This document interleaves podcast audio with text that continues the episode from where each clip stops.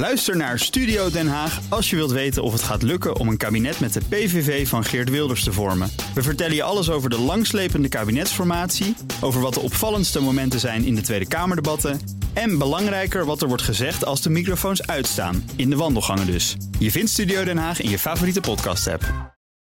Elke twee weken kijken we naar mislukkingen en wat we daarvan kunnen leren. En daarvoor hebben wij contact met Paul Iske, de CFO, de Chief Failure Officer van het Instituut voor Briljante Mislukkingen. Goedemiddag, Paul. Hey Thomas, goedemiddag. Vandaag maken wij een uitstapje naar het tennisveld. En er waren wat tennissers die dat een tijdje terug al deden. Uh, onder initiatief van de Servische nummer 1 van de wereld, Novak Djokovic. Wat is daar gebeurd en wat is daar mislukt? Want anders hadden we het er nu niet over. Nee, nou ja, we hoorden het net al. Mensen willen graag weer terug uh, naar het werk. En uh, zo ook de tennissers. Maar dat uh, kan op dit moment even moeilijk, hè, vanwege natuurlijk alle maatregelen. en, en ja, Djokovic die wilde niet bij de pakken neerzitten. En die is zelf een toernooi gaan organiseren. Verspreid over vier weekenden, verspreid over vier landen in de Balkan. En het idee was uh, ja, dat vriendschappelijke toernooi om nou, het tennissen weer tot leven te brengen. Mensen weer te vermaken en vooral ook zelf weer te kunnen tennissen.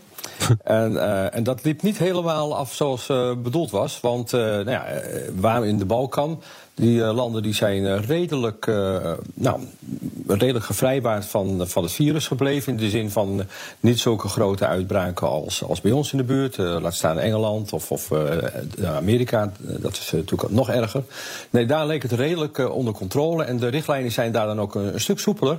Dus dat was op zich een ideale plek voor Djokovic om dan dat toernooi te organiseren. Hè. Dat was er eentje dus in, in, in Belgrado, eentje in Kroatië, Montenegro stond op het programma en uh, een weekend in Bosnië-Herzegovina. Ja.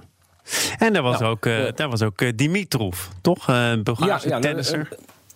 Ja, ja, dus er werden aardig wat toppers gestrikt om daar naartoe te komen, waaronder Dominique Thiem, maar ook Dimitrov. En, en daar ging het dus mis, hè, want ja, die Dimitrov bleek dus uiteindelijk besmet. En dat was natuurlijk best wel eh, pijnlijk, want uh, ja, die mensen hebben niet alleen getennist, die gingen elkaar op de baan ook uh, knuffelen. ze zijn ook naar een discotheek gegaan waar ze met ontbloot bovenlichaam volgens mij ook aardig wat vocht hebben in de lucht gegooid. Kortom, op een gegeven moment was niet alleen Dimitrov ziek, maar ook Djokovic zelf. En zijn vrouw, en zijn trainer, en andere tennissers. Dus ja, het werd één groot debakel. En uh, nou, er was al wat, uh, wat kritiek vooraf, hè, van moet dat nou? Hè, want het mag wel, maar omdat het mag, moet je het dan ook per se nou, doen. onder voorwaarde dat er een, eh, een test uh, afgenomen zou worden, ja, geloof ik. Een verplichte test. Maar daar is nu dus ook weer discussie over. Hè, dat, uh... Nee, dat was toch wel een minimumvoorwaarde. Zeker omdat die uh, spelers, waaronder ook Dimitrov, de Bulgaar... die kwamen ook uit landen waar het helemaal niet zo goed gaat. En het idee was dus ook dat hij getest moest worden. Maar Dimitrov heeft dat niet gedaan. En mocht uiteindelijk toch aan dat toernooi meedoen.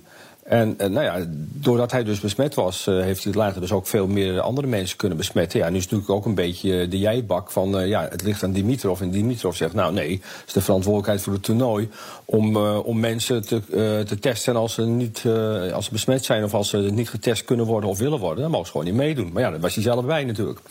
Dus ja, alleen het, het, probleem is dat nu aan. Ja, het is best wel heel vervelend. Want ten eerste zijn natuurlijk mensen ziek geworden. Dat is natuurlijk sowieso niet best. Maar nu komt de hele discussie weer naar boven. Kan dit überhaupt wel? Dus uh, de toernooien die eraan staan te komen, zoals de uitgestelde Roland Garros en, en, de US Open, ja, die zitten nu ook te kijken van, ja, wat moeten we hier nou weer mee? Uh, mensen waren toch al zenuwachtig. Dus het is gewoon echt heel slecht. Vraag van maar Paul, ja, Paul uh, ik, ik heb Djokovic zien rennen op het strand in Dubai deze kerst. Dat was prachtig om te zien. Ja. Maar was hij hier niet veel te opportunistisch? Had hij niet veel meer naar overheden moeten luisteren? Toen. Nou ja, kijk, hij claimt dus dat hij dat gedaan heeft. Want waar hij uh, die toernooi organiseerde, daar was het allemaal volgens de regels. Maar daarmee zeg ik ook, uh, je hebt ook een zekere verantwoordelijkheid.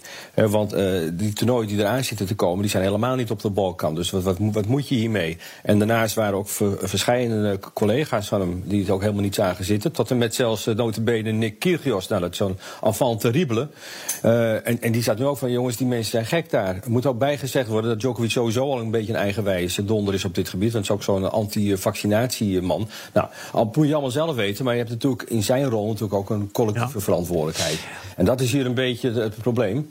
Nou, uh, dus de vraag is, hoe is het nou eigenlijk kunnen gebeuren? Hè? Dus nou, we moeten eigenlijk al, want uh, Paul, het is een fascinerend verhaal... maar we moeten al naar, naar jouw beoordeling van deze mislukking. Briljant of niet? Ja, ja, nou, ten eerste, de kern van de zaak is dat hij eigenlijk toch een, een, een, risico wat klein leek, misschien toch niet had moeten nemen, omdat het uh, weliswaar een klein risico, maar je moet de kans wel vermenigvuldigen met de impact. Nou, en die is natuurlijk hartstikke groot.